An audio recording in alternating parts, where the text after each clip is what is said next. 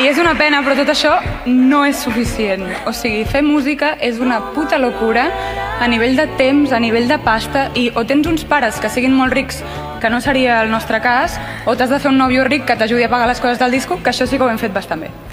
I, i aprofitant que tenim aquest altaveu, volíem explicar-vos quatre cosetes sobre el nostre moment vital que l'hem batejat com a èxito precario. Sí, estem prou hasta la figa de sentir-nos unes putes hippies perquè cada volta que tenim que viatjar tenim que quedar-nos encara en sofacames de col·legues i totes aquestes... No volem acabar un disco abans de prendre antidepressius perquè durant tot el procés del disco i tot s'agobio que han tingut no han pogut pagar la psicòloga.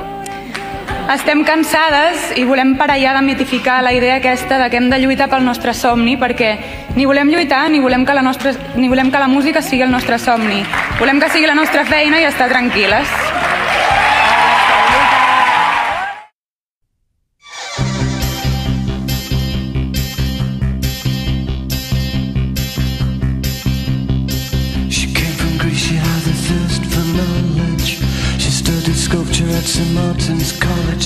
Les filles de les obreres han arribat a l'art, al cine, a la música i a la literatura.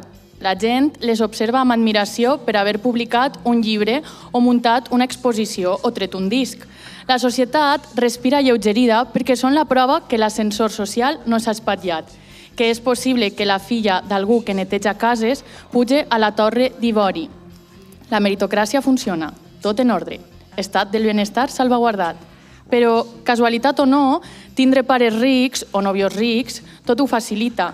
Si no, com apuntava en Marala al discurs de recollida del Premi de Rock a millor disc de l'any, o crees immersa en la precarietat, com elles, o directament no crees. No és sorprenent, doncs, que en la literatura l'origen de classe, el treball, l'esgotament, la precarietat, no només travessen el fet d'escriure, sinó que, a més, han esdevingut eixos temàtics dels textos i paratextos de les mal anomenades noves veus del sistema literari actual. Per a mostra, tres botons. El Power Ranger Rosa, Consum Preferent i Supersaurio són tres primeres novel·les publicades entre 2020 i 2023, tres històries de ficció en què els respectius protagonistes han hagut d'emigrar a Berlín per assegurar-se un sou, fan trajectes eterns en guagua per arribar a una feina que detesten o malden per trobar un punt d'ancoratge en una Barcelona turbocapitalista en què tot trontolla. Però són realment nous aquests temes en la literatura? És l'èxit precari un fenomen exclusiu del moment actual? O és que ara les creadores en parlen més? No serà que ens n'hem passat de rosca i ara és guai mostrar-se precari? Avui volem respondre totes aquestes preguntes a través de la literatura actual. No ho farem a soles. Ens acompanya Cristo Casas, autor del Power Ranger Rosa, i com ell mateix es defineix, marica de classe obrera amb l'esperança d'abolir el treball assalariat. Agafeu seient i acompanyeu-nos en aquest viatge a l'èxit precari. Comença, ara sí, Gent Random!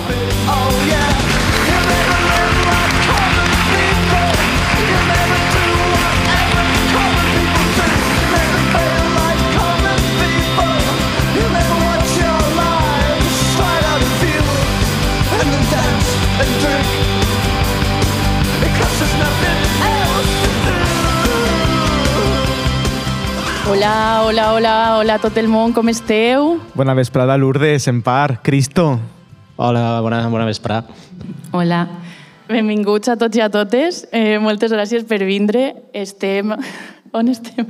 On estem? A un lloc molt especial per a Lourdes. Ho vols dir tu o ho dic jo?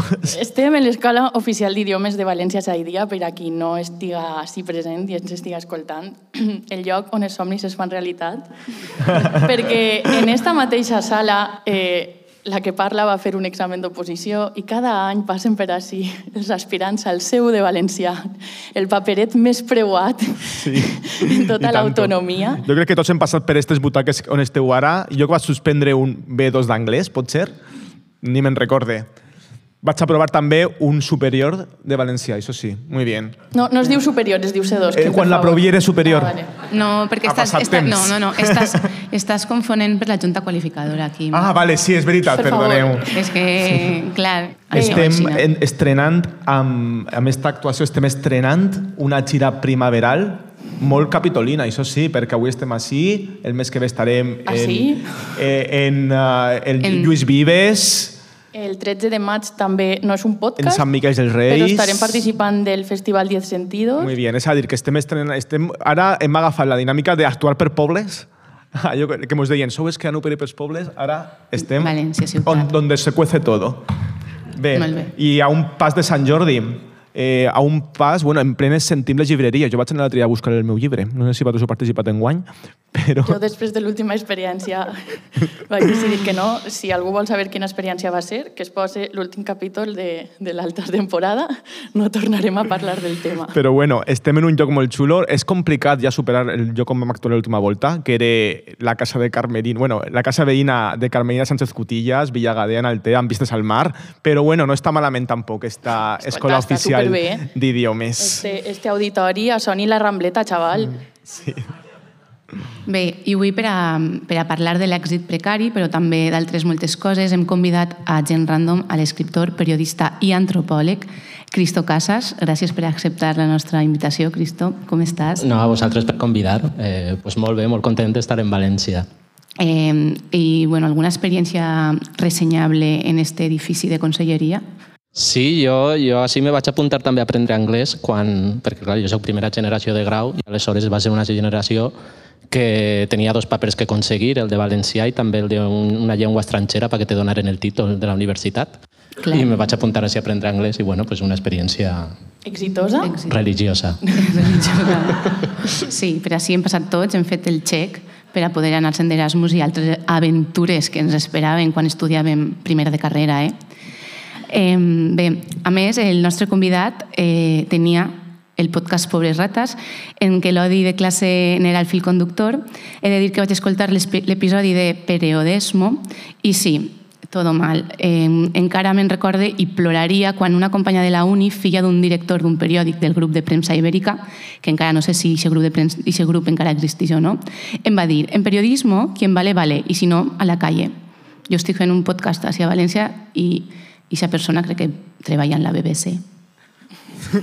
Valia. Eh, eh? Tenia un valia, padre- valia, valia. Son claro. pare segur que no tenia res a veure. No ho sé, no ho sé, no, no era, era vàlida, era vàlida, era vàlida. Però bueno, era allò de que t'havies de quedar pues, allò, no? tancant el periòdic, tu al dia següent anant a totes les rodes de premsa i, i això era periodismo. Sí, sí, era vàlida, però segurament els contes corrents del pare també ajudaven una miqueta a ser més vàlids, no? Sí, imagina que sí. El capital que sí. cultural, tot això i allò. Sí, una mica d'enxufe, aquestes cosetes. Sí, bueno, va guanyar la, la beca de la Caixa, no, de la No, Caixa, DF. sí, que això guanyava, havies de ser molt bo. O Bueno. dir-te molt bé amb alguna gent. I, bueno, I és que una cosa que ens uneix amb Cristo i que també m'uneix al protagonista del Power Ranger Rosa és que tots som llicenciats o graduats en periodisme eh, i que, per cert, he tingut una intuïció sobre d'on podria haver-te nascut la idea de la història de la iaia que expliques. I després em confirmaràs si és en una certa assignatura de periodisme. Sí. Mm, sí.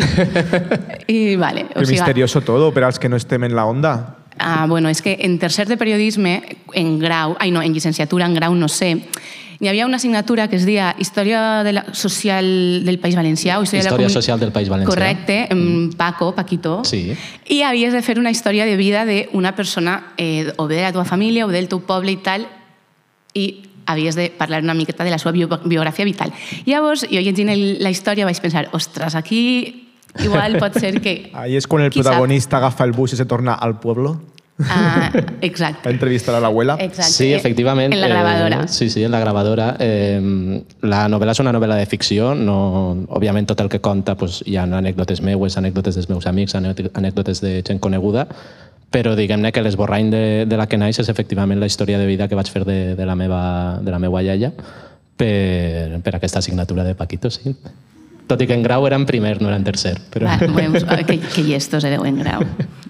Bé, eh, també molts, com ja hem dit abans, coneixereu a Cristo Casas pel seu Twitter, allí Maricón de classe obrera, amb, uns, amb els seus tuits fa un bon servei a la comunitat, a la comunitat sobre la desconeixença i prejudicis que la penya té de les persones LGTBI B i plus, plus.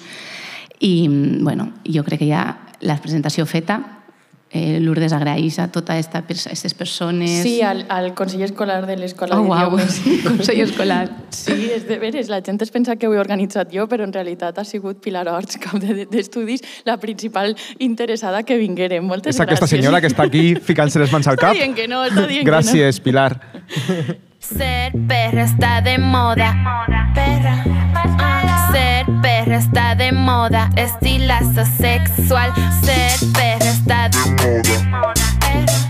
Ah, Ser perra está de moda. Estilazo sexual. Ser perra está de moda. Es tendencia nacional. Pasarela de bellacas. Estilazo sexual. Morbo es la nueva droga. Nota de morbosidad. Lesbianismo entre mujeres. Larga vida homosexual.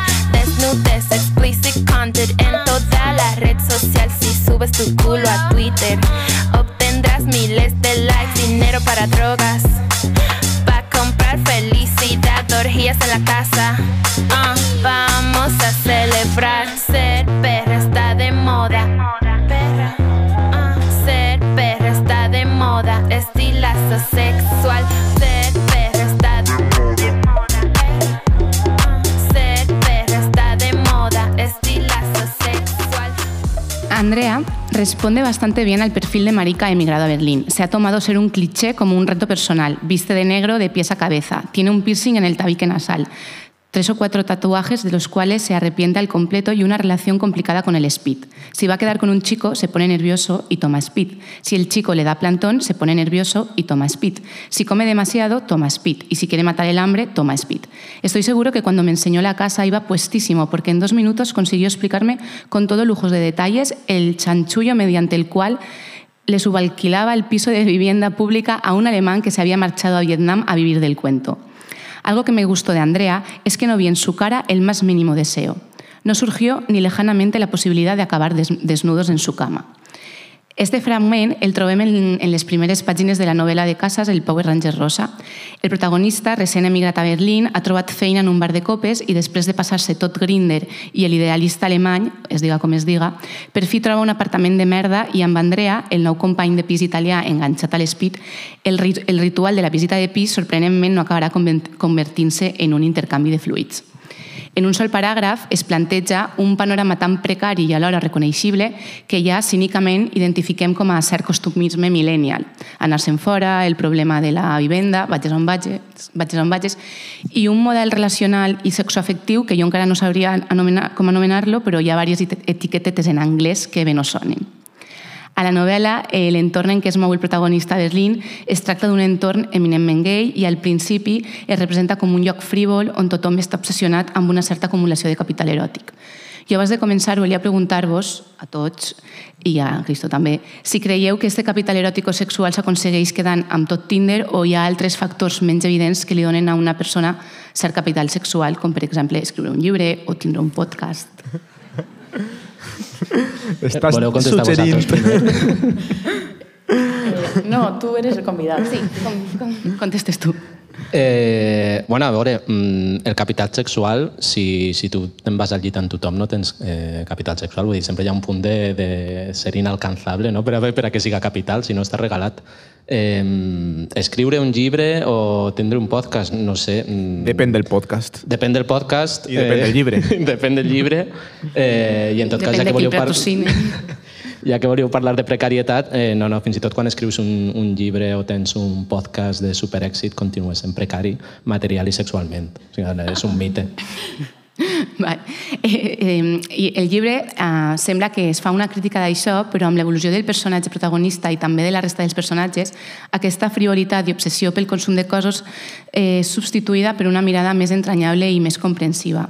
Per això, Cristo, eh, què hi ha de crítica i quins interessos creus que medien per a que la representació del, de, del desig LGTBI es faça en aquests termes de consum infinit de cossos, d'associar els gais com a depredadors sexuals, més inclús que els heteros?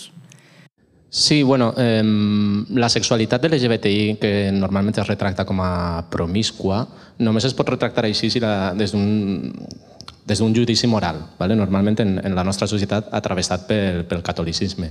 Jo en aquest llibre, quan relate aquestes històries no, del xic que se'n va a veure pisos i, i se'n folla tots els caseros, no hi ha cap judici, no em sembla ni frívol, ni em sembla promiscu, ni em sembla res. Vull dir, és, és una cosa que passa i podem separar el desig de, de l'amor i no ser tan amatocèntrics de que tota relació sexual ha de tenir un sentit romàntic quan no passa res perquè te'n vagis al llit en un, en un desconegut.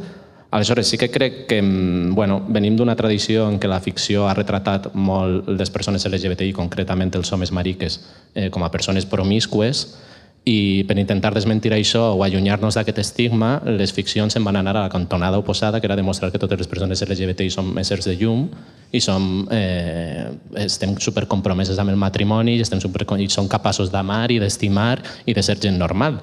Aleshores, jo quan vaig escriure el Power Ranger Rosa, doncs vaig escriure una persona que pot tindre unes nits, unes aventures sense cap tipus de significat romàntic i al mateix temps estar buscant una, una història romàntica en un altre personatge i tot això pot conviure en una persona i tot això és perfectament normal, vull dir, eh, a mi no em sembla ni frívol ni, ni res d'això, tan lleig que m'has dit. No. és broma. No, ho dia perquè, no, no, ho he, no, però ho he relatat al principi quan el, la primera vegada que el protagonista té una quedada, no, és com que eh, es, es, es, es retrata com un encontre eh, molt directe, no? Però després eh, l'evolució va canviant i ho he, que acaba una mirada molt més com, amb, amb necessitat de molta més comunicació, menys individualista, no? Mm. Llavors, per això era com un poquet, eh, sobretot que com media la representació del desig LGTBI també, però, i també, sobretot també el desig de les dones. Vull dir que crec que hi ha una mirada, eh, mm. so, sobretot patriarcal, jugant molt en el desig d'altris, no? i per això era per si també es, es podia assemblar-se. Sí, sí, de fet el, el llibre també retracta una mica... O sigui, crec que hi ha un abisme... Un dels temes que tracta el llibre és la precarietat i la qüestió de classe, no? i l'altre tema que tracta el llibre és com viuen la sexualitat tant el protagonista Exacte. com la iaia. I en aquest cas sí que hi ha dos abismes, no? de com va migrar la iaia i com va enfrontar-se ella a la seva situació concreta de classe com a dona, no? també atravessada pel gènere, Eh, I l'altra és la sexualitat, com ell té una sexualitat completament desinhibida no? i viu amb, amb orgull aquestes relacions promiscues, i en canvi la iaia... No, però no t'avances. Ah, va, perdó. La iaia... Això ho diràs després? Pues no passa res. Ja està. Deixem, deixem una mica de misteri. Va. Val, en la novel·la, ara, a més de la identitat sexual, l'origen social esdevé un tema cabdal, com també o és la relació que té el protagonista amb la seva iaia, qui ja va haver d'emigrar a Alemanya dècades abans perquè la pobresa la va expulsar de la seva terra, que entenem que és un poble de, de la Manxa, pot ser. De Castella. De Castella. Sí. Els el... serranos. Vale. El protagonista té la ferma voluntat d'escriure una novel·la sobre la seva iaia en un intent d'entendre-la o més aviat d'entendre's a ell mateix i indagar en la biografia vital de la, laia, de la iaia, la única que entén la, la identitat del seu net i el deixa expressar-se tal i com és. I això serà molt revelador per al protagonista i no direm per què, perquè si no podríem fer un spoiler. Mm -hmm. Eh, però a diferència del nen, la iaia va haver de fer-hi moltes renúncies per viure una vida que aparentment tenia ja escrita, tornar al poble, casar-se en un putero del poble, tindre fills i salva, salvaguardar un secret del seu passat a Alemanya. Vist des de la perspectiva de la iaia, eh, la novel·la s'oposa radicalment a que qualsevol passat fou millor i s'expulsa la nostàlgia, ja que si eh, ella va haver de patir per, per ser filla del seu temps, el net, per exemple, en canvi, sí que podrà estimar a qui vulga i, i això, saber això la iaia el tranquil·litza. No? I per això he de dir-te que el, el final, eh, bueno, em recorda un poc el final de Call Me By Your Name, és, no perquè no visquen en una vila italiana i perquè tal, sinó perquè eh, també és molt, esper, eh, és molt esperançador i final. No? I per això volia dir que a la novel·la les històries d'amor que planteges no acaben bé cap, uh -huh. però eh, crec que té un, un final molt esperançador i això ho vas, ho vas voler triar així. Eh, es mereix la narrativa LGTBI allunyar-se de les desgràcies o de les excessives heroïcitats i crec que això ja ho has, ja ho has contestat abans, però no sé si vols afegir alguna cosa. Sí, sí. Eh, des del primer moment que vaig començar a escriure la novel·la tenia clar que havia d'acabar en el mateix punt on començava, que és un inici des de zero a una ciutat lluny de, de l'origen del, del protagonista. Eh, I bueno, volia sí, reivindicar això, que ni les històries romàntiques són per a sempre ni són eternes, ni és cap trauma que no ho siguen, no? i que sempre hi ha un nou inici, sempre hi ha una nova oportunitat de començar de zero. Bé, també l'altre dia bueno, estava parlant amb el meu amic Sergi i em va dir que s'havia llegit una novel·la que mm, sembla que ho ha petat molt, que es diu Un lugar para Mungo, no sé si el sona, i que va sobre un noi adolescent a l'Escòcia post-Thatcher i que s'enamora d'un altre xic i mm, també situada en un ambient de classe obrera, d'una família desestructurada i que aquesta família posarà molts entrebancs a, un, a que la relació entre els dos xics funcione. No? La reflexió que feia el meu amic és que li havia fet patir molt i que seguia un poc l'estructura Bury Your, Girl, Your Gays, que no sé si tu, Cristo, ens pots dir un poc si saps què significa això.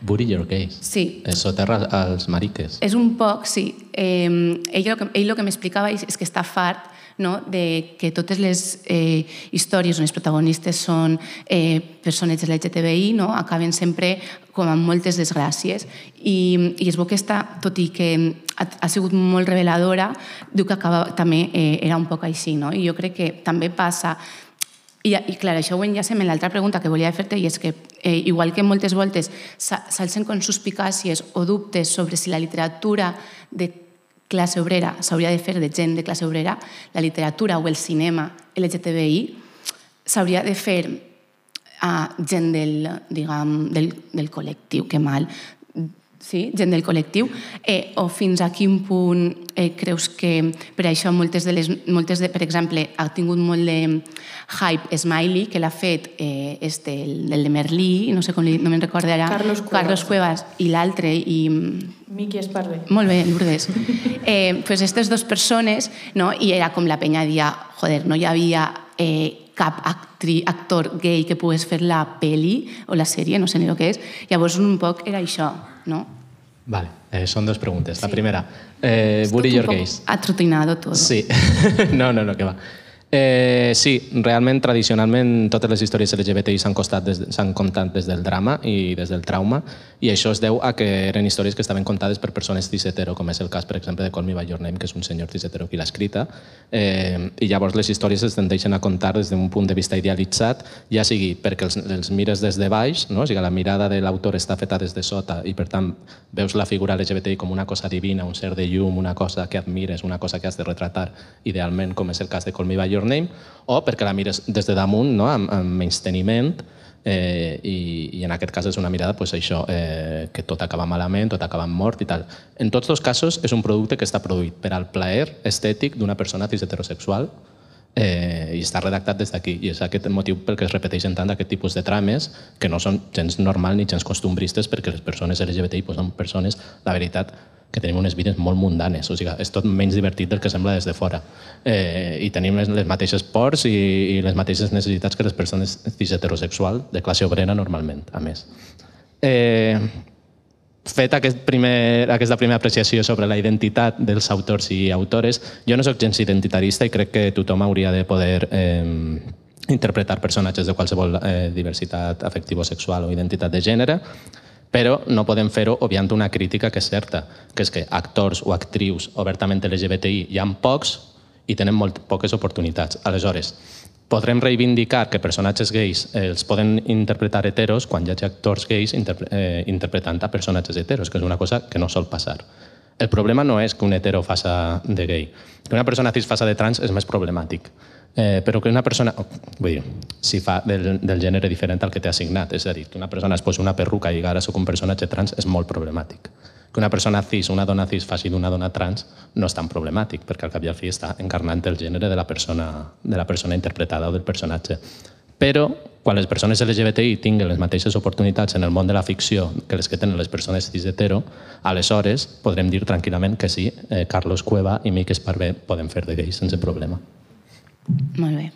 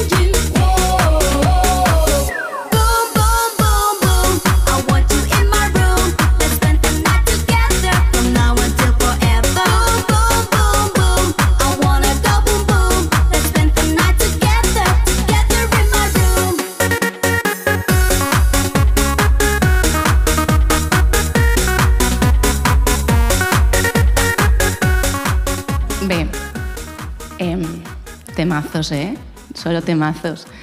Eh, tornant al Power Ranger rosa i a la vida del protagonista a Berlín, sembla que per fi hi ha un tio que l'escolte i, que i que no vulga follar amb ell al cap de 10 minuts de conèixer-se. Es tracta de Hauke, un xic trans que el prota coneix al bar on treballa i que a priori la cosa té tots els ingredients per a que funcione. És empàtic, l'escolta, passa més de 5 hores parlant abans de follar, però, però més que un pero hi ha un món entre ells dos. El padre de Hauke tiene un puestazo en Herting y su madre dirige una institución pública. Fue al conservatorio desde pequeño, cursó hípica y después judo. Tienen una sala específic- específica en su casa a la que le llaman biblioteca y su hermana diri- dirige una orquesta en Viena. Por un momento se vuelve a abrir el abismo que habíamos cerrado y me doy cuenta de que sí, eh, que de que si he estado cómodo toda la noche es porque apenas hemos hablado de mí. Hemos tocado mil temas, pero ninguno po- ponía mi biografía en el centro. ¿Por qué te avergüenzas? No es vergüenza, es un sentimiento al que no he encontrado nombre. Bé, arribem al moment en què coneixes alguna persona bastant llunyana a tu o amb... Sí. I eh, en el moment que la coneixes, pues, no sé si la consciència de classe eh, com comença a tocar-te a la porteta quan coneixes una persona d'aquestes característiques, eh, és a dir, més rica que tu i que ha tingut moltes més oportunitats al llarg de la teva vida.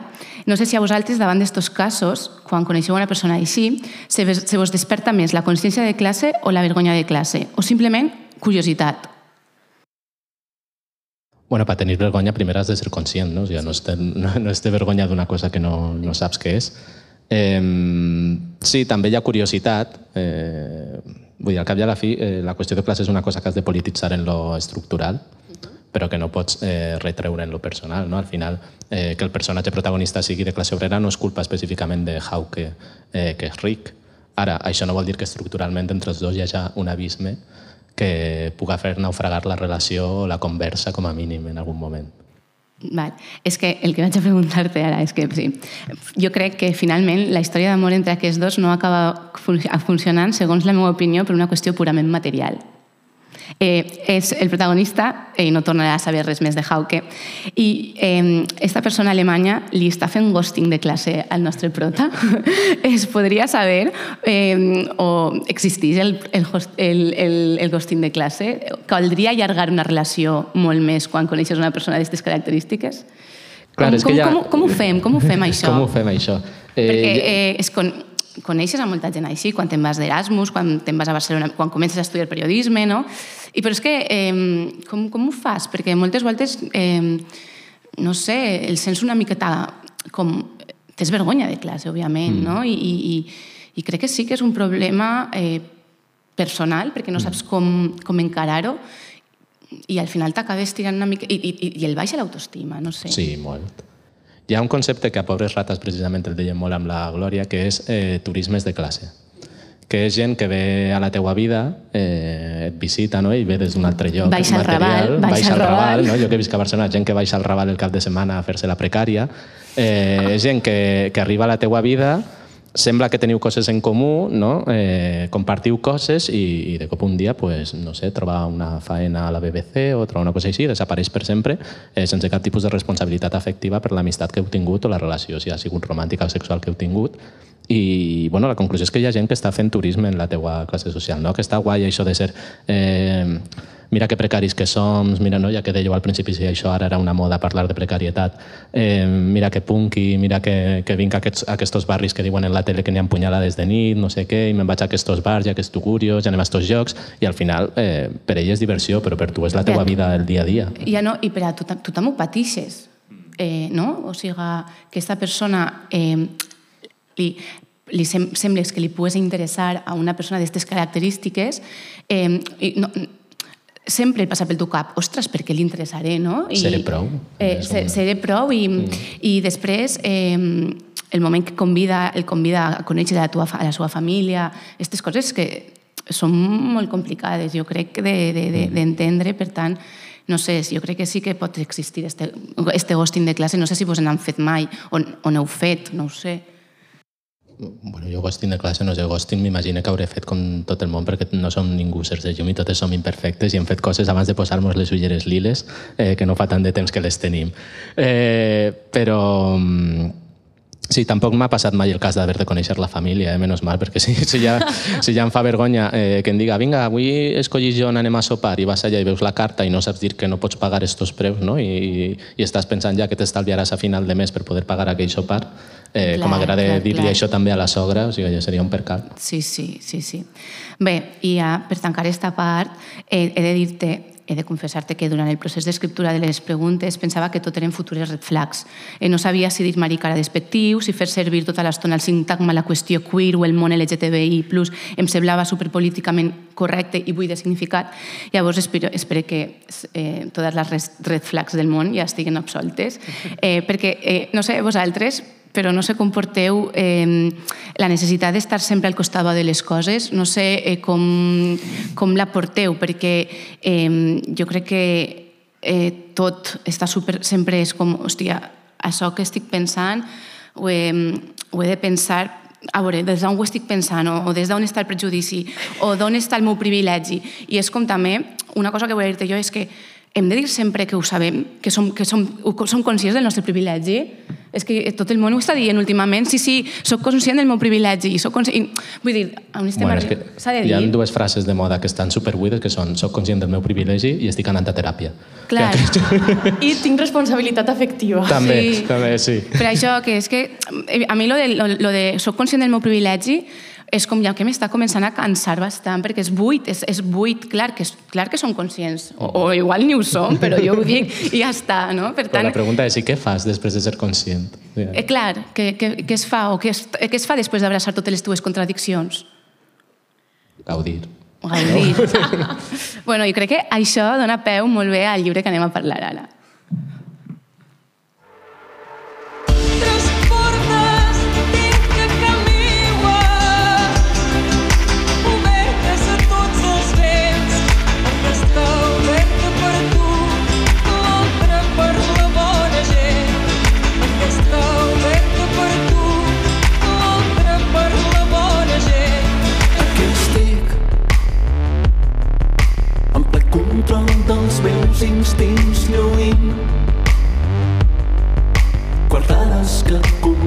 Contrastaran un parell d'amics vinc protegint. Les nostres lleis des de petit tranquil. Que en cap arma hi trobaràs empremtes dels meus dits. I és cert que no vaig fer-ho, no seria capaç.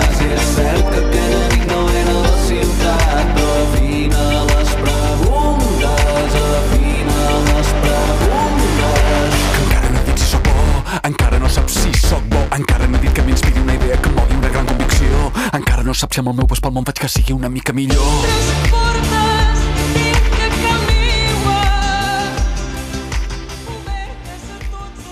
Un fantasma recorre les xarxes socials, el fantasma de la separació de Manel, i una que ja té prou disgustos i decepcions que afrontar ha decidit ignorar-los i no creure res del que es comenta fins que ells mateixos vinguen així en persona a confirmar-ho.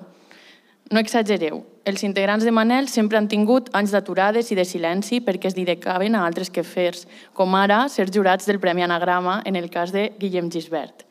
I, de fet, de l'últim Premi Anagrama vinc a parlar-vos, de consum preferent d'Andrea Genova. Uau, és que... Abans de començar, jo he de dir que me va sorprendre molt el nou Manel de estos, últim, estos últimes gires, el movimiento de cadera que hace Guillem Gisbert, que és com una cosa que dius, pareixia que s'havien de ser del grup, però no, estava aprenent a ballar quatre passos bàsicos. Guillem, mm, què dir-te que no sàpigues? Eh, bueno, sona, per cert, la veu samplejada, o sonava, eh, la veu samplejada de Maria del Mar Bonet en Per la bona gent, el segon track del que ha estat l'últim disc de moment de Manel. Eh, a veure, a partir d'esta cançó en particular i de les cançons de Manel en general, jo volia establir molts paral·lelismes amb consum preferent, però no sé si és més adequat començar eh, situant una miqueta a la gent que no té Twitter, a qui en primer lloc li dono l'enhorabona per no tindre Twitter. Això és com quan com quan algú et demana foc i em demanen foc i jo dic, no, no fume, com, no? Des de la superioritat Sí. moral. I et diuen, molt bé, què fas? jo dic el mateix, no tinc Twitter. Molt bé, què Molt bé, què fas? Eh, aleshores, han passat coses a Twitter eh, esta última, estos dos últims dies amb consum Moltes, preferent. moltes. Eh, bé, Consum preferent és una novel·la, la primera novel·la d'Andrea Genovart i va obtindre fa poc el Premi Anagrama, que és el mateix premi que s'han endut altres autors com Paul Guasc o com Irene Solà. Eh, llavors, en este, en este món en què ens ha tocat viure, eh, s'han tret de context una sèrie de, de fragments del llibre en què hi ha moltes frases escrites en castellà i en què hi ha molt d'humor negre. Llavors ha començat un linxament cap a l'autora per part de molta gent, però com una cosa molt extrema. No? Eh, llavors, I cap a l'editorial. Sí. Sí. S'ha hagut de deixar Twitter, justament a la posta de Sant Jordi, que una autora ja ha d'abandonar Twitter quan és el seu dia gran i tot, una persona que acaba de treure un llibre, és com, ostres, que mal la gent, no? Vull dir... I hi ha gent que no ha llegit el llibre. Clar, és Ningú que sempre passa això, que qui més parla és... Però bé, la qüestió Bueno. és que, o sigui, el que jo volia començar preguntant-li a Cristo, tant com a autor del Power Rangers Rosa com, com a persona molt activa a Twitter, és quin paper juguen les xarxes socials actualment en la recepció i la crítica d'obres literàries o de mm, creacions culturals. Perquè jo penso que per un costat podrien ser un bon, una bona plataforma per, per arribar a conèixer determinades propostes. No? Per exemple, una editorial com Niños Gratis pot ser, si no fora per xarxes socials, no arribaria al públic al que arriba. O nosaltres mateixos, jo moltes mm, obres... Jo em vaig començar a llegir Irene Solà perquè vaig veure que molta gent a Twitter la recomanava de qui em fie. Després també hem parlat moltes vegades de com de perillós és això, no? de Twitter Literatura recomana coses que després són un poc bluff, però, però no sé, això m'ha paregut com un cas extrem. Tu què, tu què en penses? Quin paper juguen les xarxes? Sí, home, jo crec que les xarxes, no només en literatura, en la, en la societat actual han jugat un, un paper meravellós horitzontalitzant eh, qüestions que fins ara eren jeràrquiques, doncs, per exemple, com el món editorial, no? que al cap i a la fi te deia eh, un crític del País o del Grupo Planeta et deia quins llibres eren els que més molaven i casualment eren els que més interessava promoure a l'empresa que li pagava, no? Eh, aleshores crec que la crítica en Twitter, el bo és que no està mitjada per interessos econòmics, no sempre està mitjada per interessos econòmics, perquè també hi ha molt d'influencer que rep més favors dels que sembla. Eh, però per l'altra, pues sí, té també això de que tot el món té boca, té opinió i té cul, no? O sigui que és el problema i de vegades no sabem per on surt la merda, si per baix o per dalt. Eh, I Twitter pues, té, té aquest problema també, que hi ha molta gent opinant fins i tot de llibres que no, que no ha llegit. Jo, en el meu cas, l'experiència del Power Ranger Rosa concreta en xarxes és positiva, vull dir, jo crec que ha arribat a un públic al que jo no hauria arribat i al que l'editorial Niños Gratis, que és una editorial molt humil, que porten entre dues persones només a, a Vallecas, pues, eh, segurament sense xarxes socials no podria haver-se fet, eh, haver venut tants llibres com ha venut, no només del meu, eh, dels altres que té la col·lecció Asterisco. Però sempre està la, la contrapart, que si es, es democratitza el consum i es, es democratitza la crítica, també es, es democratitza la crítica demoledora. Tu has rebut molt de hate pel llibre, Pel llibre, no. Pel llibre, concretament, no. Per altres però com per ser Twitstar una miqueta més, no? Eh, a veure, el llibre, situem-nos una miqueta.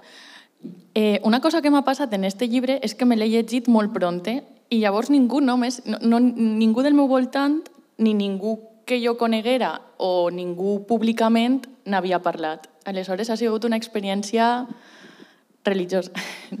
No, però sí que com no tenia tampoc amb qui parlar-ne, era com que el meu cap m'anava a mil. Però ja intuïes que algo podia jo vaig despertar. vislumbrar... Tu vislumbraste el, la que- El que ha polèmica. passat esta setmana, jo llegint pensava... Sí, Mare la que se viene. Sí, se vienen cositas Twitter Catalunya. Eh, la cosa és que és un llibre molt diferent als premis Anagrama que anteriorment eh, s'han guardonat. No? O sigui, és radicalment oposat a Canto i la muntanya avall, a Guana Palma al cor, fins i tot també a Terres Mortes, que no va ser premi, però ja sabem que va quedar segona. Jo he de dir que, igual que m'agradava més el Manel de 2008, el de los ukeleles, també m'agra- m'agraden més aquests premis anagrames més rodoritzants, que dius tu, més rurals, més tal, que, que no este. Però després de la polèmica que estem dient, jo sóc el primer hooligan d'Andra Genovart. Que quede clar. Em, jo he de dir que, que després, quan ens fem les cerveses, t'explicaré per què has de superar ja Manel de 2008. I jo també preferisc a Rodoreda que, que este estil de llibre, però m'ha agradat, eh? a mi m'ha agradat consum preferent, això ho vaig a per davant, però és molt diferent. Però per a mi és positiu que Anagrama decidisca premiar una cosa que trenqui amb això, perquè me'n recorde molt de crítics eh, catalans dient que és que les noves veus, que és que els nous autors l'única cosa que fan és copiar Rodoreda. I amb això es demostra que no. I llavors és com que també el Premi Anagrama no, no pareix que estiga encasellat a premiar una sèrie de novel·les, no? com, podia, com el que criticàvem un poc del Premi Lletra Ferit, que sempre eren novel·les de senyors escrites a València, no sé què, doncs Anagrama podia ser gent jove que imita, entre cometes, Rodoreda. Doncs amb això demostra que no, Clar, que, però- que és ample i que el sistema liter... un sistema literari sa i normal ha de tindre propostes diverses i diferents. No tot ha de ser solemne, rural, que m'encanta, però no tot ha de ser això, no? Però ara, precisament, la gent que està criticant eh, este, tip, este premi a, a consum preferent està dient que Anagrama eh, té un, un projecte polític centralitzador amb un esquema, eh, amb un esquema polític eh, espanyolista i llavors esta és la crítica que se li està fent a Andrea, Geno, a Andrea Genovart com dient és una podemita més, el procés, o sigui, els anys de 2018 a dos, bueno, de 2016 2019 els obvia, no hi ha procés, eh, els, la seva família va córrer davant dels grisos. Que ho va dir Lourdes en l'últim programa, Estan- que, la literatura catalana no ha de salvar la llengua. Clar, clar, és que però la gent està fent aquest tipus de crítica. l'últim És- moment, vull dir, està- que no ha de ser el- l'últim està fin. criticant, està criticant el model polític d'anagrama i quin és el model polític de, que, que anagrama eh, premia en els seus llibres. És, a- és a dir, estan, estan di- dient això a banda de que l'estil és nefast de que el, i de que el, el, el, el, el coneixement de la llengua per part d'Andrea també és, no el domina. Bé, ara entrarem ahí. Jo tampoc defendré Anagrama, encara que em declari Anagramer, perquè, vull dir, és una empresa gran i... I dir, encanta tot lo que fa. però, I això de la literatura no ha de salvar la llengua, ara, ara parla, no, no em feu spoiler. Però, a veure, Andrea Genovar fa humor en este llibre i pega una punyada amunt la taula i li arranca de les mans el monopoli d'aquest gènere en català, Quim Monzó. És que és així.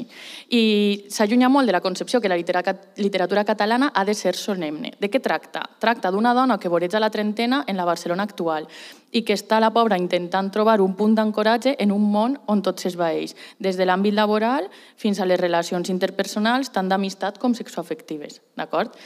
Eh, què passa? Que el llibre és un monòleg interior tot el temps. És, són els pensaments de la protagonista com un torrent. Aleshores, en els pensaments, jo no sé vosaltres, però jo no tinc filtre. Quan estàs pensant, penses, i clar, si t'escoltaren pensar Ahí seria... Mm. seria, anava a dir seria una putada, però ma mare m'ha dit que no diga paraulates. Eh, clar, aleshores, què passa? La protagonista, Alba Domènech, no és cap exemple de res. Un poc com el que conta Manel en la cançó de Per la bona gent, no? No sap si sóc bona, aleshores. Eh, no és exemple ni de bondat, ni d'una moralitat fèrria, ni res. Però això ocorre també amb els tres personatges... A mi m'ha portat a altres personatges femenins, de la, la protagonista de Fleabag, o la protagonista de Mai Neva Ciutat, Neus Perelló, són dos persones que per el costat de Mai Neva Ciutat hi havia molts moments que jo veia la sèrie i m'entraven moltes ganes de pegar-li una bufetada i dir prou, eres insuportable. I Fleabag era com massa cínica per a mi al principi, saps? Doncs amb esta, eh, amb esta narradora m'ha passat un poc el mateix, no? com que hi havia vegades que sí que em reia i sí que em feia gràcia, però hi havia altres moments que li deia eh, tia, para de plorar, o sigui, el que t'està passant no és tan greu. O fins i tot en altres moments em sentia super incòmoda perquè utilitza molt d'humor negre, és molt càustica. Aleshores, si no vos agrada aquest tipus d'humor, no se llegiu. Sí, si teniu la Em, pell fina, no, no perquè però- és veritat que tot, vull dir, és un torrent. Però que a mi em passa amb mi mateixa. Sí, sí. I, de fet, una cosa que m'ha passat és que jo moltes vegades... Alba m'ha caigut malament perquè m'ha recordat a mi. Vull dir, jo estava llegint i pensava, algú que tendeix a la neurosi com jo, és que esta persona està tot el temps que no para de pensar i era com, per favor, ja. O sigui, no vos ha passat mai que heu pensat, no vull, estic cansada d'escoltar-me pensar. O només em passa a mi? No, sí, sí, total. I a, a més, si tens una, una persona, eh, una protagonista que el fa tota l'estona de mirall, no? és com encara el sents molt més retratada i dius, Buah, és que, està, està, és que està, m'està passant el mateix. Una cosa que m'ha agradat molt és que s'avança a les tronaes i projecta mil escenaris possibles i s'angoixa per ells, com jo. Però crea imatges i situacions fora de context, o sigui, se les imagina, no? El llibre és ple de moments així. No sé si heu vist, vosaltres sé que no, Cristo, no sé si has vist la sèrie a dos metres bajo tierra. Eh, no hi ha molts moments en què de sobte se'ls va, en va la flapa i es genera una, situació, una escena super surrealista i fins que no acaba no saps si és que se l'estan imaginant o és que realment està ocorrent, doncs ella fa el mateix en el llibre. O sigui, ella està narrant i dius, ostres, no sé si això que està passant ara està passant de deberes o, o s'ho està imaginant. Vull dir que, i això per a mi és un domini del llenguatge brutal. No és generar, fer humor, fer riure en la paraula escrita i generar aquesta classe d'escenes, jolín, eh, no serà Pompeu Fabra, però, però fa moltes coses amb la llengua que no són estrictament... Eh, són pragmàtica, això, sabeu? Bé, eh, jo crec que és una manera, en el llibre es riu de, de nosaltres mateixos, de la gent, com diguem, eh, progre d'esquerres de, les nostre, de la nostra edat. Tant a títol individual, eh, n'hi ha un moment que està en una festa i diu uf, me n'aniria a casa, tinc la tensió baixa, tinc mal de cap de sentir-me pensar. Soy jo literal. I després hi ha altres moments en què ja fa com una crítica més col·lectiva eh, i està contant una anècdota de quan era menuda i diu encara era massa petita per entendre que els de l'Opus Dei, per molts efectes col·laterals d'incest, trepitgen més terra ferma que els anarquistes. I això és el to constant de la novel·la. Eh, la pre- clar, jo llegint aquesta novel·la m'he adonat que sóc més moralista del que m'agradaria admetre en veu alta. I ara estic quasi dient tot davant del micro, no passa res. O com a mínim espero que la literatura ho siga. Aleshores, Cristo, pregunta, tu creus que la gent d'esquerres tendim al moralisme? Bueno, a veure, mm, potser la gent d'esquerres ho expressem en veu alta, però absolutament tot el món, com diria un amic que tenim en comú, pensem que estem per damunt del bé i del mal, no? O sigui, vull dir, eh, tu quan estàs en el teu grup d'amics en, en el balcó, no? parlant de... Això era una piulada que llegia l'altre dia. Estàvem parlant en, en el balcó amb les meues amigues, de, criticant a mitja Barcelona, i de com em vaig adonar que és que pensaven que eren millors que tots ells, pues això mos passa a Que tots som guais. que som guais, que som els guais de la ciutat, no? i que la resta de la gent pensa que ho som, que, que bueno. Eh, aleshores, potser en les converses entre esquerra arriba un punt en què ho polititzes, però en les converses entre gent de dreta pues, ni s'ho planteja, és que saben que estan del costat bo de la història perquè haurien de parlar sobre això. És una obvietat. I tu creus que la literatura políticament compromesa tendeix al moralisme? Jo crec que la literatura no ha de salvar ni la llengua ni a l'esquerra.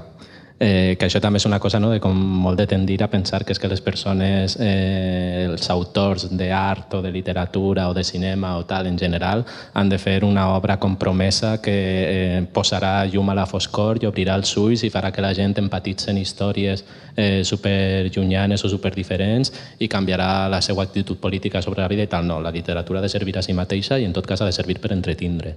Eh, per tant, jo no sóc partidari de fer eh, literatura política. Una altra cosa és que les circumstàncies en les que jo faig literatura facin que aquesta sigui eh, política independentment, independentment de la meva intenció.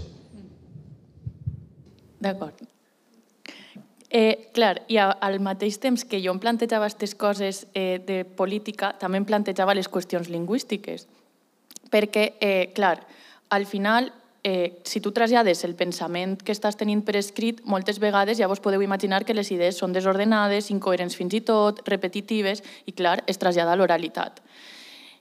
I què passa quan parlem valencià o català col·loquial? Quin és un dels trets... És que això damunt ho he dit avui a la classe de seu. Quin és un dels trets del valencià col·loquial?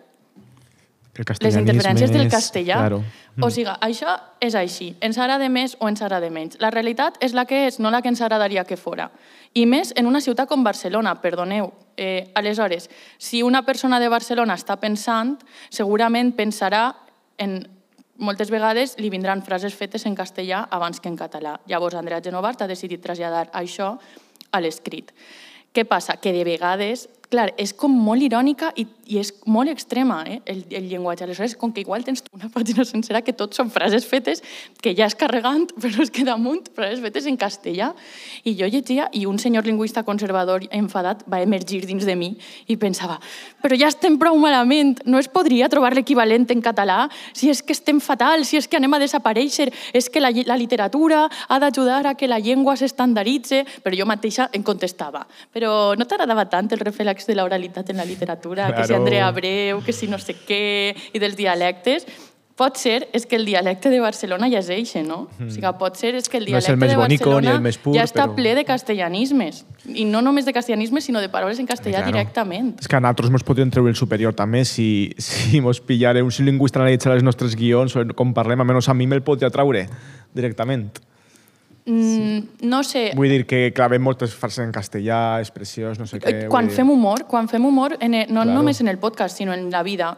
Jo me'n recorde d'una sèrie que feien en TV3 després de dinar, que es deia Jet Lag, i hi havia un personatge que li deien Esther, que quan s'enfadava o quan volia fer gràcia parlava en castellà. Clar, és que ho fem això tots. I això a mi em feia molta gràcia. Mm. I ara m'adone que, sí, o sigui, que en el dia a dia ho fem, no? Mm. O sigui, agafes com... En seguida canvies La, al la castellà. muletilla. I jo vaig escoltar una entrevista que li feien a Paul Guasque en Tardeo i ell deia que això ens ho hauríem de corregir, que també podríem fer humor en català. I jo vaig pensar, és de veres, és de veres, és de veres. Sí. Malament, malament, malament, És que malament. no és el mateix. No, no ho veiem des, jo no ho veig des del mateix punt de vista perquè pues, que Abreu puga parlar eh, en el seu, en la seva llengua, diguem, del, del, seu, del carrer, tal. però clar, quan eh, parlem d'una llengua minoritzada és com fa un poc de mal al cor. O sigui, tu com a parlant i com a voler preservar la teva llengua i voler fer la teva llengua una llengua de prestigi, jo entenc aquesta crítica que, Jo és, que, es, també, que eh? es fa, però és que jo crec que justament en aquesta novel·la el que es busca és que eh, el, el llenguatge i les, totes les expressions estan al servei del contingut. Per tant, crec que en aquesta novel·la no es pot jutjar des d'aquest de, punt de I vista. tant, i molta gent és com que deia, és que no coneix, no sap català, perquè no sap com es diu aquesta frase feta en català. Mira, és tan fàcil com entrar en Optimot i buscar-la. Vull dir, és que, sí no, que és, no és una qüestió de, de coneixement, és una qüestió de... És que és deliberat que fas això. I quin efecte pretén Clar. crear? Clar. Hi ha tota una pàgina que està en anglès, que diu fuck you, mm, tota la pàgina. Què vol crear amb eixa... Amb eixa...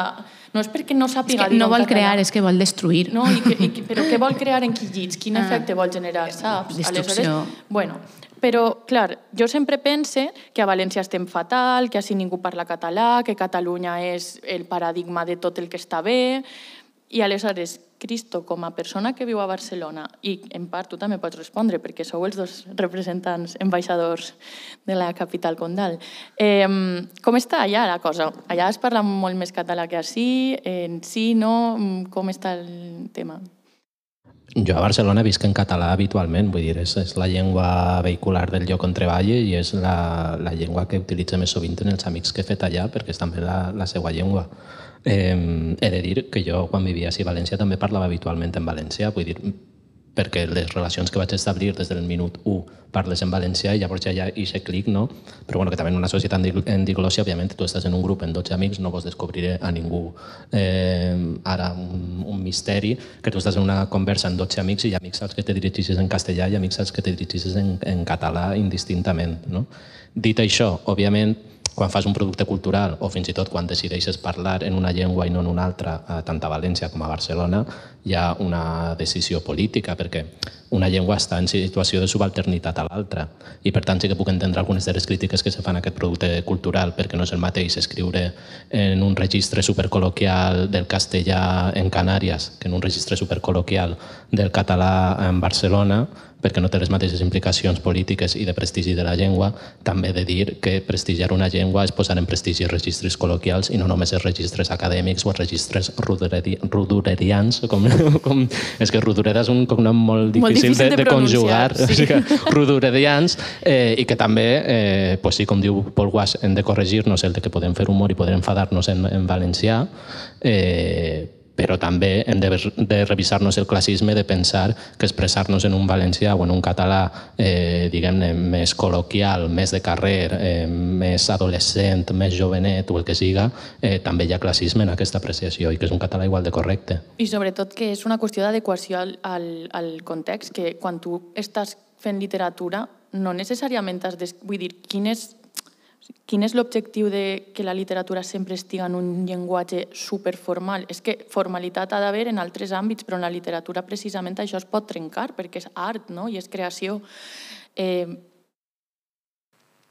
Primer s'han de mirar les escoles. O sigui, si no salven les escoles, eh, ahir sí que jo tinc moltes coses a dir sobre política lingüística, però no les diré perquè estic en el meu lloc de faena. Home, i també està, sí, I- està Carles, que Carles és el, el president de política lingüística. Ojalà, és que si fora Carles el president estaríem d'una altra manera. No diré res més.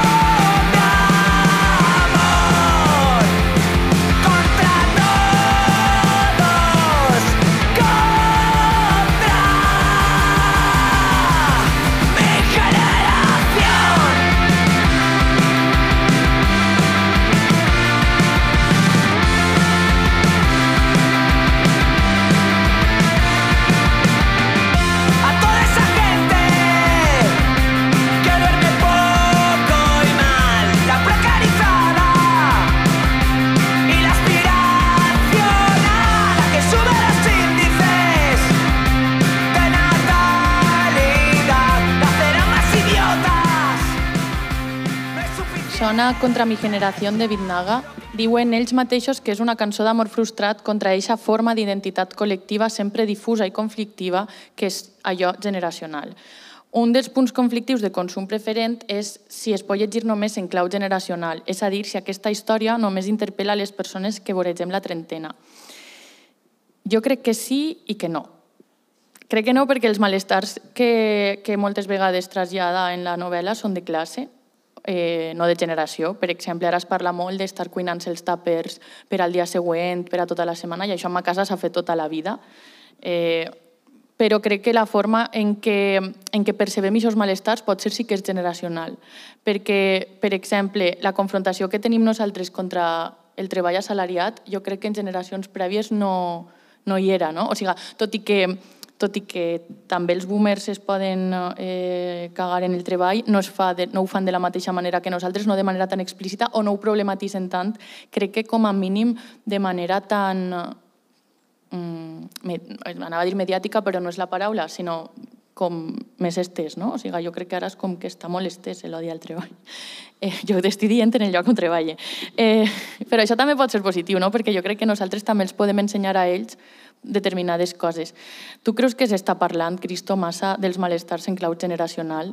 Creus que això és problemàtic? Sí, sí, és problemàtic. S'està parlant massa en clau generacional dels malestars en general perquè això és, un, és una postura interclassista no? que el que ve a dir-te és que tens més coses en comú amb la gent rica de la teua edat que no amb la gent treballadora eh, que té 10 o 20 anys més o menys que tu, no? o els teus iaios. Eh, I a més, eh, crec que està passant precisament perquè opine el contrari que tu. Cre sí, crec que estem més acomodats amb el treball ara que no fa 30, Ah, sí? 40, 50 anys. Sí.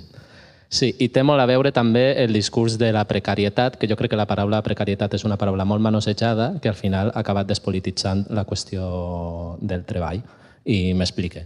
Quan la vaga de la canadenca, a, fa ara 120 anys a Barcelona, el que demanava la gent era treballar menys. I llavors van eixir al carrer perquè treballaven 12 hores per setmana i volien treballar 8. I, no? I això prometia un món millor per a tot, per tot el món perquè tot el món anava a treballar menys guanyant els mateixos diners. Ara, tu vas a qualsevol manifestació de l'1 de maig o el que sigui i el que em porten en la, en la pancarta és trabajo para todos o volem treball. Sí, i saps on vaig... Sí, però Mira, l'altre dia eh, vaig veure un documental que es diu Retuga a Reims, que és el que ha guanyat el César Sí. de... Està superguai, De no sé si l'heu vist. I, I hi ha un moment en què apareix una manifestació que demanen treball i a mi em va sobtar, eh? Però perquè ho llegi, però jo pensava, si ara tot el món està dient que no vol treballar, Però les manifestacions demanen treball. Però a l'1 de maig Però els que va a van... qui va a l'u de claro, maig? Quin Jo vaig perfil a l'u va? de maig. Sí, però no és majoritari. Clar, però no és una cosa tan transversal com pot ser... El 1 de maig no és tan massiu com el 8M, que això també ens hem de preguntar per què passa, no? O sigui, Mm. per què aquesta desmobilització el dia 1 de maig? Per què un festival com el Vinya Rock, que du grups super, eh, amb un missatge super pamfletari d'esquerres, es fa justament l'1 de maig? perquè és pamfletari. Sí. Vull dir, ho defineix la mateixa, la mateixa expressió. No, jo crec que és que allò de la precarietat ens ha convençut pues, això, que tenim més a veure en gent que és pre precària, al final vol dir que no tens la teua feina assegurada, però no vol dir que sigues de classe obrera. No? Jo conec a gent que és molt precària perquè es dedica a les arts o es dedica al món audiovisual. I llavors, no, soc precària perquè este mes he ingressat 25.000 euros, he facturat 25.000 euros i ara no sé fins així tres mesos si torne a facturar. Ja, carinyo, però jo facture 25.000 l'any tenint un contracte estable, saps? Eh, aleshores, té esta vessant de que és interclassista perquè ens fa creure eh, que altra gent precària, que després té un piset a València Caretat dels Jaios i té una segona residència a Dènia per anar a passar l'estiu, però és precària perquè es dedica a pintar quadros, o a fer cançons, o a fer música, o escriure, i guanyar premis anagrama. No, no sé si és el cas de cap premi que hagi guanyat, eh? però vull dir, eh, és la nostra companya, perquè, ei, mira, som igual de precaris, és una qüestió generacional, perquè tenim 30 anys o 35 anys, escoltàvem a Britney Spears de xicotets, i mira quantes coses tenim en comú, no? I de cop els nostres enemics és la gent que té una feina estable. I els nostres enemics, en lloc de ser els burgesos que ens exploten, són els funcionaris perquè mira que acomodats, que han fet un examen i a viure del cuento tota la vida. I això és un discurs que està molt present en la nostra Home, generació i a Twitter home. és, vamos, i els articles d'aquesta setmana de uy, ¿por qué los españoles se vuelven locos por opositar? Pues no sé, si vols te vacances- faig un croquis. I les vacances del professorat, què em Les dius? vacances del professorat, clar, estem convertint en enemics a la gent que no és precària. Però això no vol dir que siga gent rica, és gent que no és precària perquè té una estabilitat laboral. I crec que això, que la precarietat, en, el discurs de la precarietat ens ha despolititzat una mica i que hem de retornar al discurs de classe i som classe obrera independentment de si tens un treball precari o si tens un treball eh, estable i un, i un sou garantitzat de per vida. I també el que parlàvem ahir, Lourdes, que tu i jo vam fer el podcast ahir sopant. Pobra Núria, s'està tragant el segon també, podcast de la també setmana. El discurs generacional també està, plena, està, està és buit. La, gener, lo generacional és completament buit. Aquí apela la gener, lo generacional. Sí, i a més, és com que eh, els, els millennials estem fent-nos una miqueta eh, pesats, tipus com els de Jo fui a EGB, no? O sigui, ara és com que hi ha molts podcasts o molts vídeos o moltes coses de ¿te acuerdas de la Superpop? Ja sé que tenim el mateix logo que la Superpop, però eh, ¿te acuerdas de... Jo què sé, que pesats. Sí, me acuerdo de Harry Potter, supera-ho ja. O sigui, vull dir, no sé, o sigui, és que hi ha gent que encara... Però, bueno, té igual, no? Que hi ha gent que encara vol anar a Hogwarts, jo què sé. Mm, ja està, no? Tens 30 anys, deixa d'esperar la carta de, Ho de Hogwarts indica-te. O sigui, eres una persona adulta. Exactament, exactament. Ve a l'1 a- ves a l'1 de maig a la manifestació, manifesta't. I no portes una pancarta de vull treballar més. Porta una Clar. pancarta de no volem treballar. Exacte. Ni ahora, ni nunca, ni en ningún lugar, ni contra nadie. Sí. No. Exactament. Només treball. Clar, és que al final la generació, el tema, pre, la precarietat, és que tu pots ser, tots són precaris, al final, les, i les feines de en la, treballar per a la cultura és precari. Vull dir, però, I per això normalment qui treballa, qui, té una, qui pot dedicar-se a la cultura, qui té una estabilitat de casa, eh, i tu seràs, serà precària, però serà menys precària. Però la precarietat és, és, és que arriba a tot. Sí. És que Està, estàs, estava recordant... Fas pinta de pensar en el teu compte corrent. No, No, no, no, no, no, estava recordant els moments en els que decideixes opositar i reps molts comentaris per part de gent de, que és molt d'esquerres i que et qüestiona que vulguis eh, ser treballadora de l'Estat. Perquè com és molt d'esquerres, el- l'Estat s'ha d'abolir. I com oses decidir treballar tu per, al, per a l'enemic. Què diré jo, que ara he guanyat una plaça sense passar una oposició? Enhorabona. Enhorabona, en part. Però i com ho diré jo? En quina vergonya ho diré? Que no he estudiat. No sé, eh, en fi, per això pensava en que l'esquerra és moralista, en aquest tipus de comentaris, saps? Com la puresa.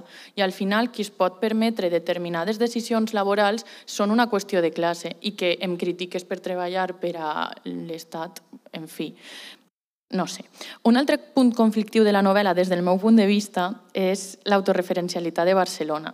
A mi és el que menys m'ha agradat. O sigui, no crec que la novel·la hagi d'estar ambientada en cap altre lloc, perquè si no, no funcionaria, però pense que, que és una novel·la molt de nicho, que només pot funcionar, no parla ja generacionalment, però hi ha moltes referències molt simplícits que segur que jo m'he perdut i molts altres que jo he entès perquè tinc moltes amigues que viuen a Barcelona, perquè sí que hi vaig amb certa regularitat, però si no, no.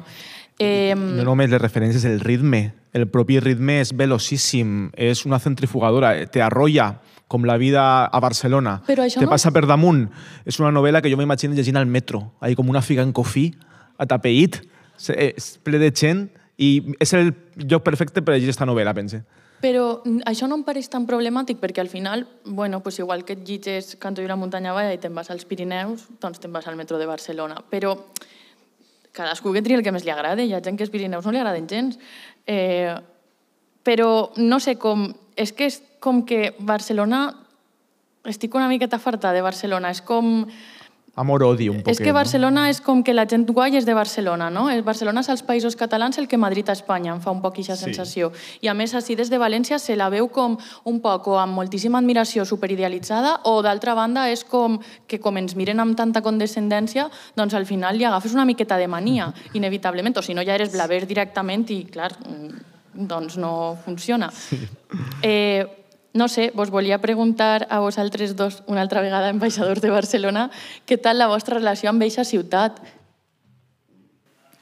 Jo, Barcelona és una ciutat que t'enganxa. Has de dir prou si vols tornar-te'n. O si no, el quedaries, t'arrossega. Per a mi, Barcelona és una ciutat que jo pensava cinc anys i me'n torne i pues no, ara cinc anys, sis anys, set, van, van a ser vuit. Eh, però quan la vius, la desidealitzes, també, també per lo que tu dius, per exemple, hem, hem vist a Barcelona com l'horitzó, no? El- més un determinat, hem, hem crescut en un determinat context, no? Has vist sempre, pues, havies de ser igual de cívic que és de TV3, no? Pues, arribes allà i el dones que...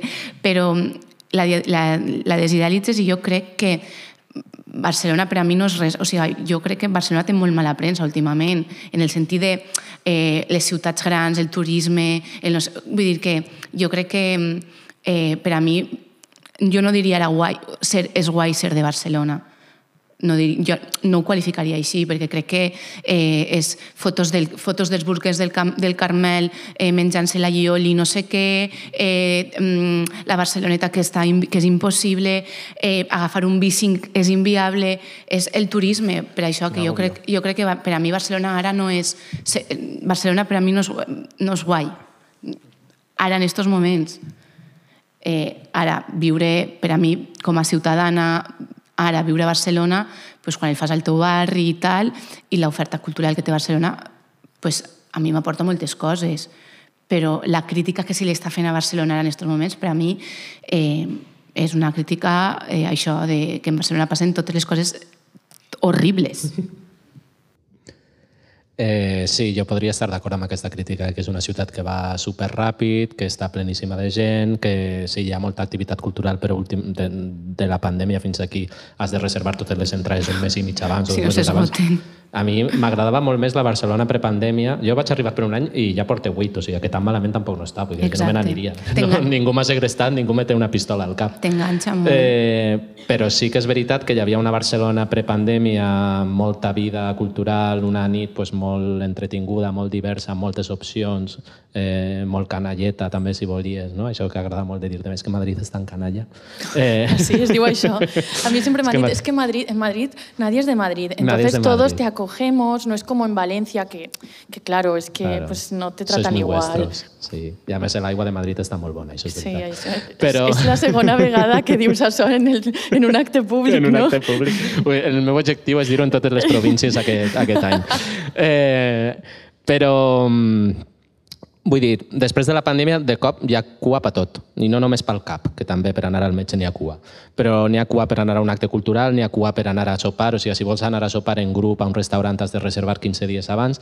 I tot això, per mi, eh, està matant un poc la vida, però tinc entès també que és una mica el que està passant a totes les ciutats de cert tamany eh, d'Europa i per tant, pues, bueno, mm, no sé, supose que sempre me quedarà mudar-me al poble si algun dia me canse. Eh, realment, quan llegia el llibre, eh, ho veia més com una crítica cap a nosaltres, els valencians. No, ho De Joan Fuster. El, el que veies com una... que sempre estem criticant l'autoreferencialitat pel convoyet, Ah, vale. però quan l'autoreferencialitat ve de fora o és de Barna, pensem, ai, que guai que són a Barna, perquè hi ha un ta urbanita, són molt guais, eh, i això ens impedeix etiquetar com a folklore una cosa que pot ser també ho és. Perquè pot ser el folklore barceloní pues, és parlar mig castellà, mig català, gastar-se el 70% del sou en un lloguer, anar a l'Apolo i fer sequeta. No? Això també pot ser folklore. És su cultura. Claro, no hagas de, de, Si un no, disfraz de mi si no, cultura. tu maranqueta I, i, que no. I que un dissabte per la vesprada han quedat amb els seus amics del cau i no el conviden. És que jo he quedat amb els meus Ah, amics que lo, del cau. lo del cau i les playes és un temazo. És un eh? temazo, o sigui, sí, Ni sí. ocho apellidos catalanes ni res d'això. Sí, Sí, la clau és el, el cau. Sí, sí, és com... No, no, no pots vindre, perquè és que he quedat amb els meus amics. No tens el mocador de color groc i blau i per tant no, no ets guai. Per a mi, de tota manera, el llibre parla d'una qüestió que sí que pense que és pròpia del moment actual i que lliga molt bé amb l'assaig d'Eudal d'Espluga No siguis tu mateix, del qual ja vam parlar la temporada passada, i és la identitat. L'Alba en realitat està patint molt perquè no sap amb què o amb qui identificar-se. Cite textualment. Ara que la nevera d'una altra casa torna a estar plena, ja puc preguntar-me què vull ser, què vull fer i, el més important, quin és el talent que segur que tinc però que encara no he descobert. Déu ja em pot rebre a les portes del cel amb barnús i melindrós preguntar-me qui ets, on vas, què esperes d'aquesta nova llar? Eh, per damunt de totes les coses, i jo crec que és el que destacaria de consum preferent, i en realitat és el que més m'ha agradat, és que per a mi l'estil, o sigui, la forma en com està escrit, és el tema de l'obra. I Andrea Genovart ac- aconseguís traslladar-te, com bé deia Quim, a través de com escriu, l'angoixa, els nervis, el cansament que sents quan et canses d'escoltar-te a tu mateixa, com si veieres per escrit tot el que et creua pel cap cada vegada que estàs arribant a un pic d'ansietat.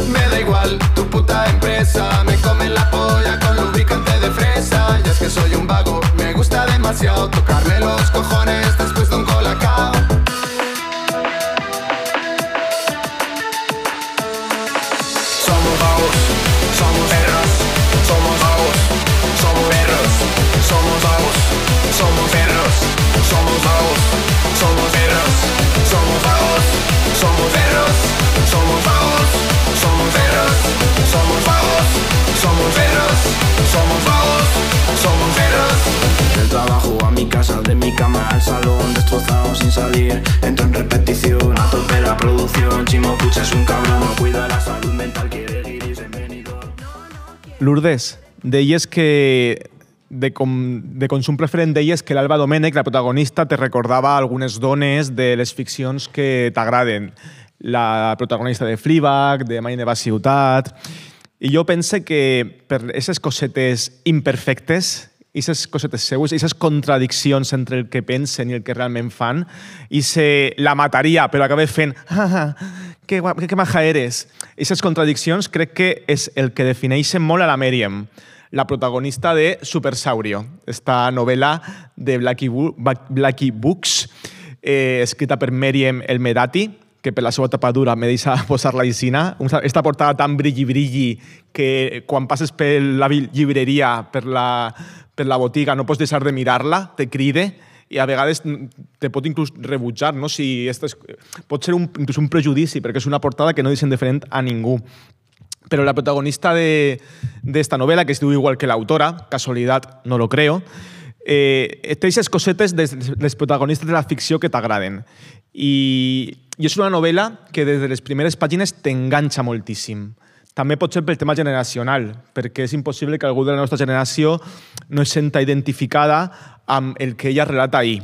Per exemple, les entrevistes de treball que va recorrent d'una en una com si fos un via crucis, entrevistes ni per a treballar tan sols, simplement per a fer les pràctiques, per a ser una becària, per a cobrar 500 euros al mes. Ja te llamaran, ja te diran algo pronto, i aquesta espècie de volcà que et creix per dins, i s'enfado que has d'amagar perquè a la gent no li agrada que estigues enfadada, sé amable, sé amable, sé amable, te estoy pisando la cabeza, pero sé amable, no te enfades, ¿por qué estás tan enfadada? Pues són això. I se cabreig que, que va creixent com el, com el pa quan l'amasses, i se cabreig com un so que te retumba dins del cap, com un, sor que, com un so que, que, que els quefers diaris eh, dissimulen, però que quan tornes al llit i tot se fa el silenci, te retrone de nou i no pots dormir. I damunt, anar i tornar en bus a la puta entrevista de treball t'ha costat 15 euros i ta mare t'ha hagut de deixar una brusa de seda perquè tu no tens roba adequada per a la vida adulta. N'hi ha risses entre el públic, suposa que vos sone. Pues esa sensació és Supersaurio. Això és la novel·la. Això és. Eh, Supersaurio, que és la protagonista, on la... Eh, o sea, és l'empresa on la protagonista tira el currículum i al cap d'un mes, o milagro, la criden. És la cadena de supermercats més importants de Canàries i la seva mascota és un dinosaure amb una capa de superheroi, d'ahir el títol. I ahí, en Supersario, on comença la vida laboral de Meriem, la nostra protagonista.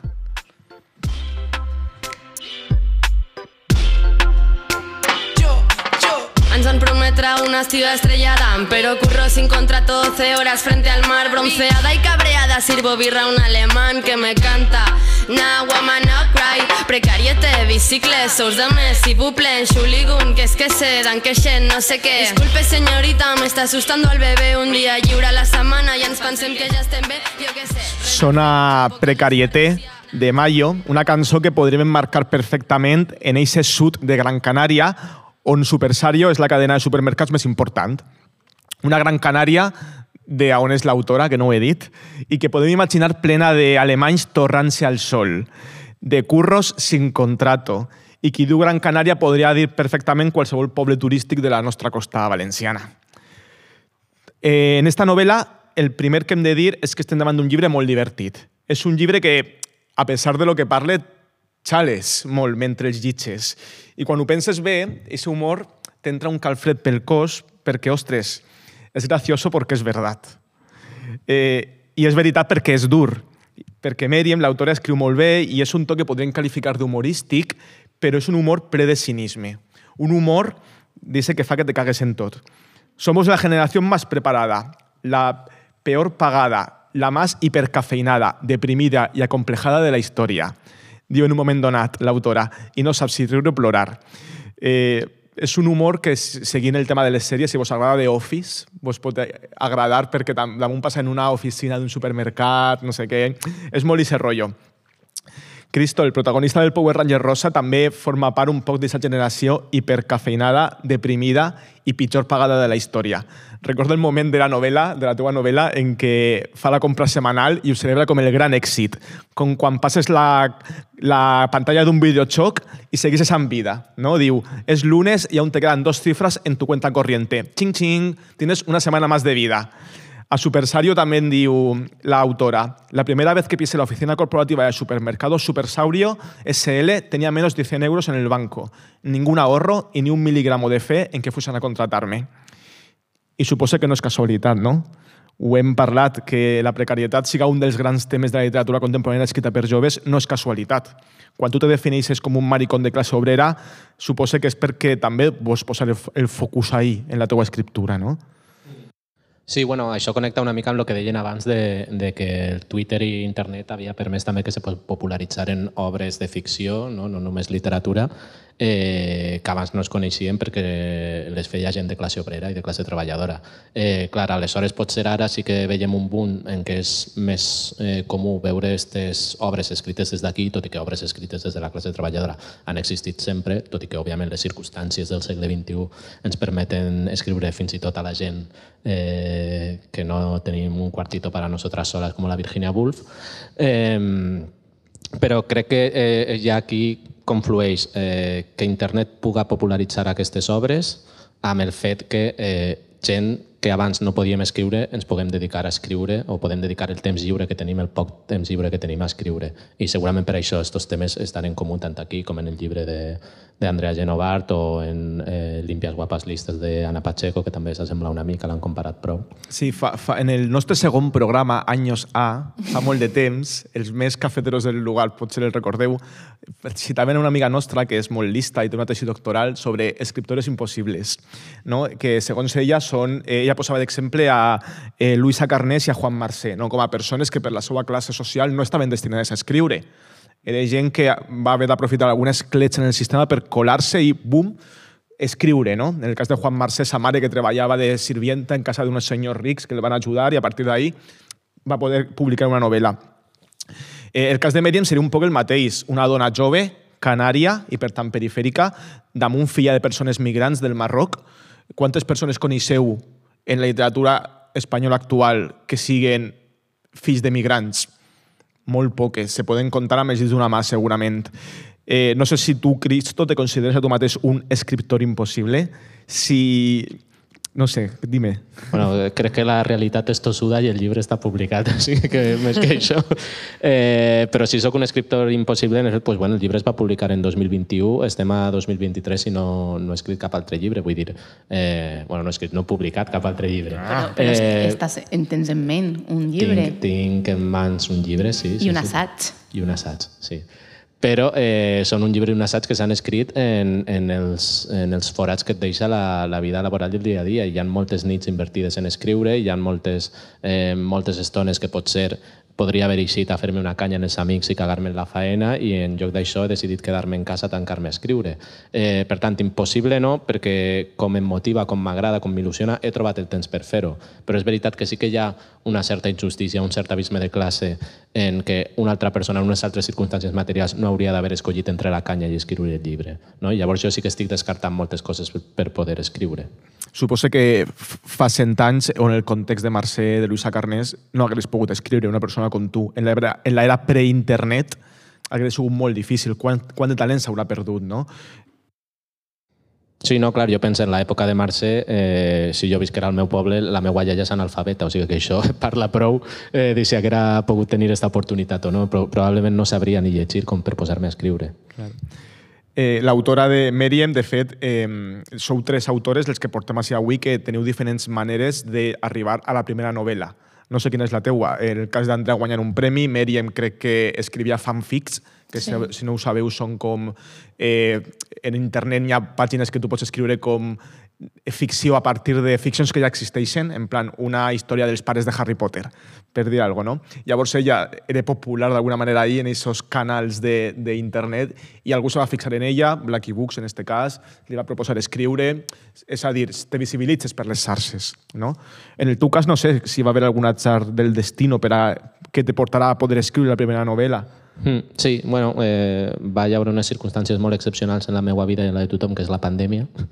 Eh, I aleshores jo sí que tinc, tenia en aquell moment la sort de tindre un treball d'oficina amb un contracte fixe i per tant vaig tindre pues, aquells dos primers dos, tres mesos eh, que si treballaves d'oficina pues, te deixaven estar en casa i t'havien de continuar pagant i estaven el CERTE i totes aquestes coses i jo vaig poder dedicar temps a acabar una novel·la que tenia mig començada de, de feia temps, que és el Power Ranger Rosa.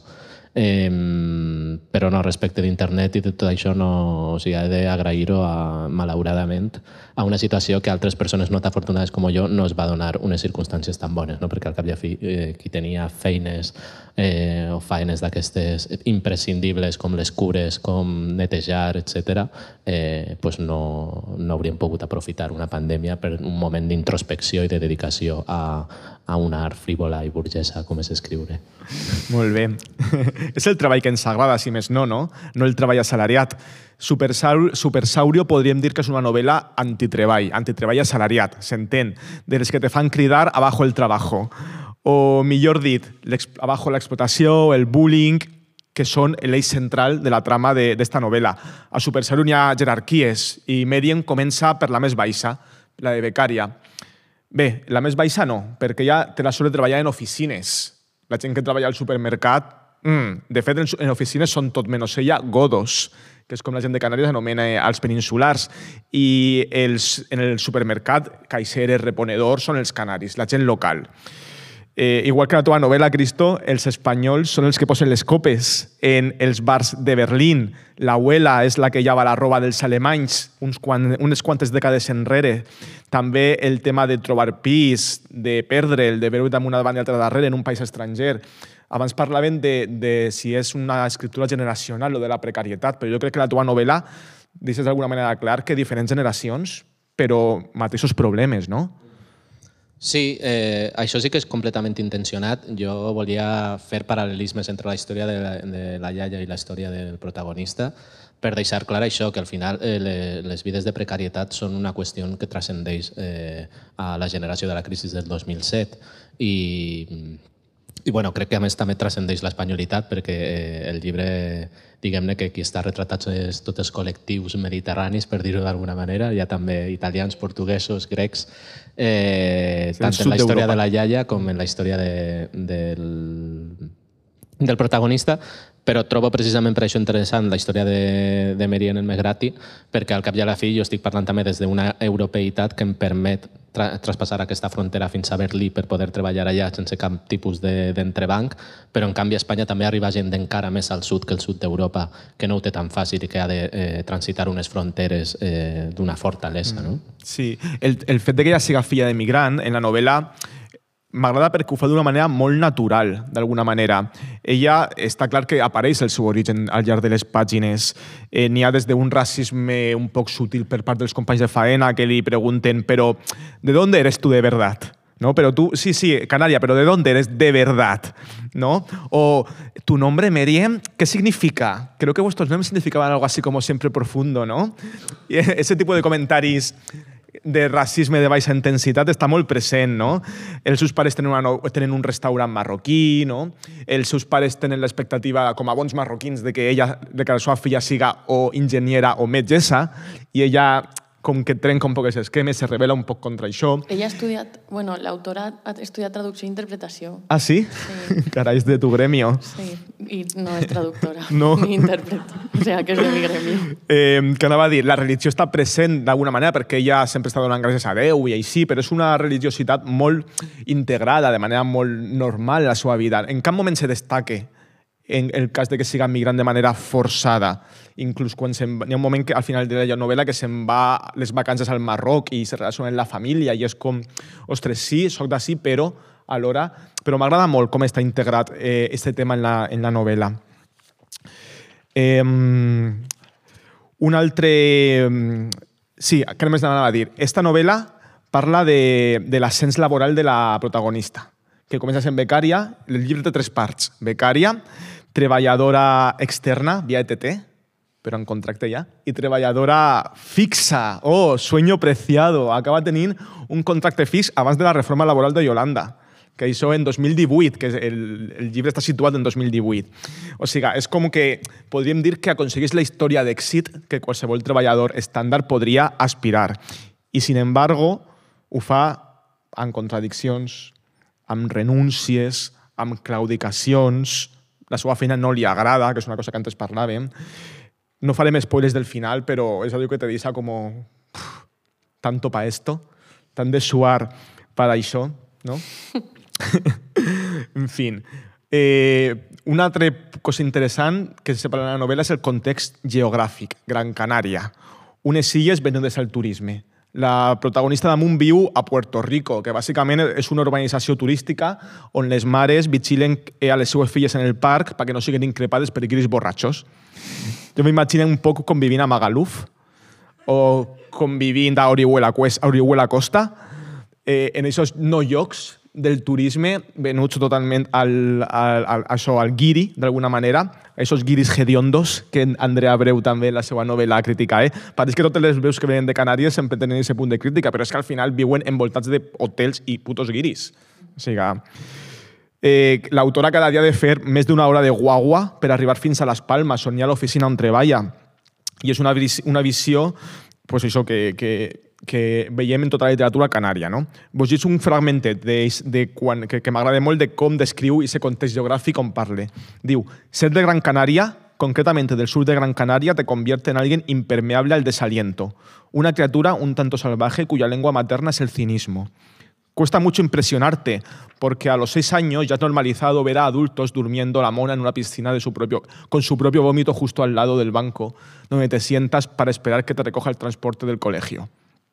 Físicamente eres un niño, pero tu psique es la de alguien que ya ha ido y vuelto a la guerra varias veces. El sitio en el que crecí es una sucesión de hoteles que se enrosca hacia- el infinito y puebla las montañas. Palmeras, playas y muchos grados a la sombra los 365 días del año. Y turistas prácticamente en pelotas por la calle. Tres, tres restaurantes chinos por habitante. Bares de tapas españolas que harían que Chicote se tirase de un séptimo piso. En esta isla hay más pubs irlandeses que personas irlandesas. Dos minigolfs al borde de la quiebra. Un único colegio. Tres supermercados, dos de ellos express. Para eso vienen, supongo. Para perderse en un lugar barato donde puedan vivir como auténticos reyes. Un sitio en el que todo se ha dispuesto para su disfrute a pesar del prejuicio de sus propios habitantes. Donde si tenemos que atentar contra la naturaleza misma para complacerlos, vamos y lo hacemos. ¿Para qué quiere un centro de atención primaria un turista si ya tiene una clínica noruega frente a su bungalow alquilado por cuatro perras cochinas para toda la temporada de otoño e invierno? La fantasía de un jubilado del norte de Europa, la pesadilla de una persona normal. Així és el món de les dos Meriens, de l'autora i de la protagonista. Un paisatge que, que a nosaltres, valencians de comarques venudes al turisme, mos puga ser familiar. A tu te, te sona algo això, este paisatge, Cristo, que acaba de descriure? Sí, bueno, jo no sé si heu anat mai a Cullera en hivern, a, a, primera, a primera línia de platja, però és prou desoladora la, la nostra costa dedicada també al turisme, eh, que només està viva 3-4 mesos a l'any i, i quan vas la resta del temps pues allà te trobes un mamotreto de formigó construït sobre recursos naturals no? del País Valencià. Claro. En la teva novel·la, Berlín o Essen, que són, eh, Berlín és on viu el protagonista i Essen on va viure l'abuela, són a vegades com jocs sense identitat, no? contraposats al poble, a pesar de que el poble no està gens idealitzat, al contrari, però, sin embargo, en, eh, me encanta una frase que dius que la abuela, la primera volta que en Alemanya se va tallar el moño, ploraba, ploraba y ploraba y decía, es que yo solo podía pensar que con el pelo se me escapaba del el pueblo del alma y me convertí en una desconocida. Me encanta Sí. esa frase, és xula, eh? Bueno, aquesta reflexió és genuïna de, de la meva iaia. Quan Ho va dir ella. Sí, sí, sí, això està recollit a la història de vida i ja ho he dit moltes vegades, tot i que no és una autobiografia ni, ni és tot real. Eh, crec que la, la millor autora i, per tant, una escriptora impossible, com deies abans, de, del Power Ranger Rosa és la meva iaia. Que bonico. Després també quan el protagonista està servint copes ah, i venen espanyols, diu, es que al principio me gustaba porque traían el sol en los labios, que també és com una metàfora que me va encantar. És com Alemanya, el no lloc, el poble, Espanya, el lloc d'on ve un poquet, ni que siga de refilón i identitat, no? Exacte. No sé si n'hi ha, en la descripció que feu dels espais, tu o la Mm. Meriam, per exemple, si n'hi ha una voluntat de remarcar aquestes diferències de classe. Sí, els espais, no? abans, per exemple, quan dèiem els llocs turístics són no llocs.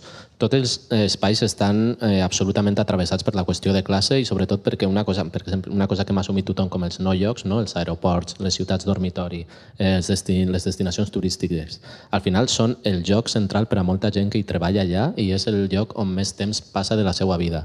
Jo en el Power Ranger Rosa descric i parle moltíssim del bar, no? eh, que és el, el, el lloc on treballa el protagonista, i descrit, descrit i parle moltíssim també del metro, que jo diria que el Power Ranger Rosa, el 90% de la novel·la està passant al metro de Berlín. I jo crec que allò de tindre una consciència de, del, del transport públic com un espai físic en el que passen coses i en el que passa la teua vida, eh, bàsicament com a persona treballadora, és una qüestió molt atravessada per la classe, perquè eh, si us adoneu, en novel·les escrites tradicionalment per persones, diguem-ne, eh, amb recursos, eh, hi ha un, unes elisions que és com es mou la gent entre els llocs, o, o hi ha elisions que és com treballa la gent, que, quins diners, com aconsegueix diners els protagonistes. Sempre tenen una vida en la que tot és oci i tot és estabilitat i no hi ha allò de com vas d'un lloc a un altre, com pagues anar d'un lloc a un altre i com treus els diners per a que la resta de la història continuï avançant. I jo crec que per això, parlant tant de l'espai físic i descriure, a més, amb aquest cinisme o amb aquesta mala llet, és algo que només pot fer una persona que ha passat molt de temps en l'espai públic observant-ho.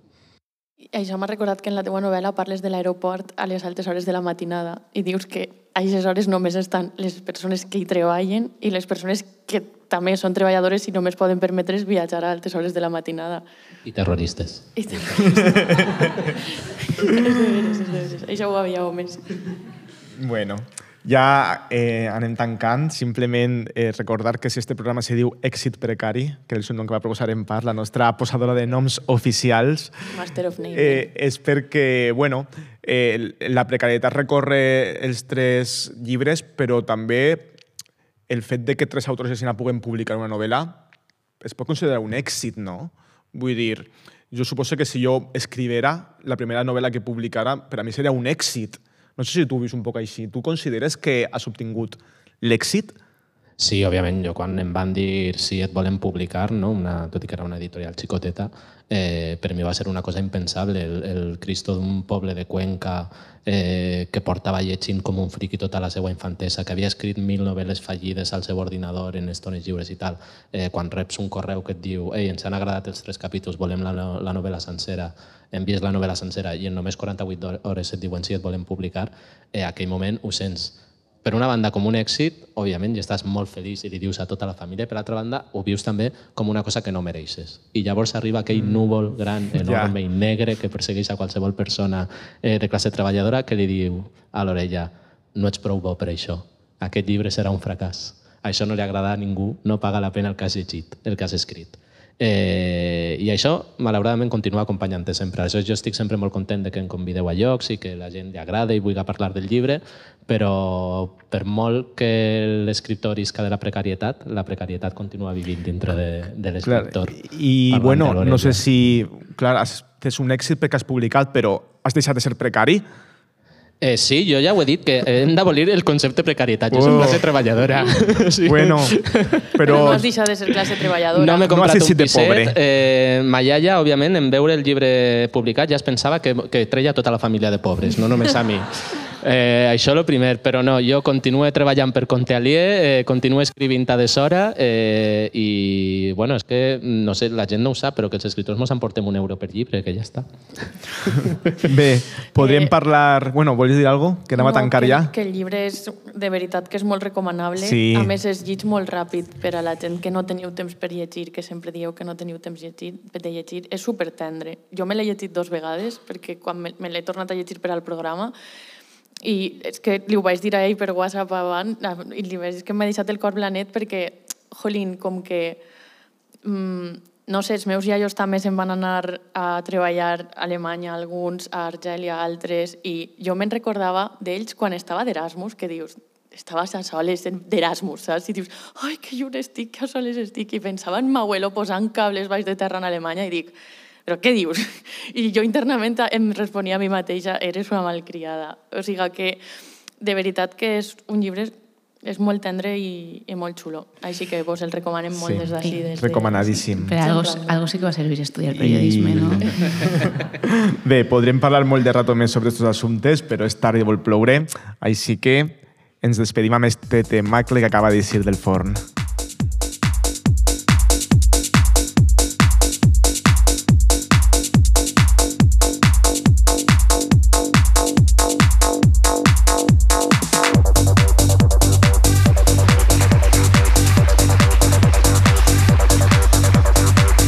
No ho hem dit, però és un dels nous temes d'Aina Palmer, que ha tret el nou disco de l'Elicte per a posar nova banda sonora a gent random. Dale. Dale. Bé, No podem anar-nos-en sense agrair-vos a tots, no salseu, deixeu-nos que vos donem les gràcies, per favor. Agrair-vos a tots per haver vingut així a veure'ns. Eh, moltes gràcies, Cristo Casas, per eh, acceptar l'oferta i Per estar des de. Barcelona. Moltes gràcies. A vosaltres. Tenia moltíssimes ganes de tornar a veure la EOI. Pensava que tenies ganes de veure-vos a vosaltres. eh, moltes gràcies a l'Escola Oficial d'Idiomes de València per comptar amb nosaltres. Eh, com sempre, a Miguel Alemany per estar als comandaments de la nau. Per favor, podeu aplaudir? Esteu eh, molt morts, eh? Se nota que ja feia uns quants programes que estaven sense cervesa. Eh, moltes gràcies també, com sempre, a Ràdio Godella ja fem un podcast i Sí. ens veiem eh, al maig, el dia 12, a l'Institut Lluís Vives. Ens acompanyaran Gemma Martínez i Laura Beiber, les autores, bueno, dues de les autores de Venim de Lluny, eh, Història del feminisme del País Valencià, i el 13 de maig estarem a Sant Miquel dels Reis, eh, dins de la les 6 de la programació- vesprada. Dins de la programació del Festival 10 Sí, Sentidos. ens acompañará las escritores Viviana Collado, autora de Yeguas Exhaustas, y Lidia Caro, que ya la conocen de los años que no. Eh, no se grabará, o siga, vengau, que si no se ho perdereu. ¿Vale? Gràcies. Que gràcies a totes. Ens veiem al maig.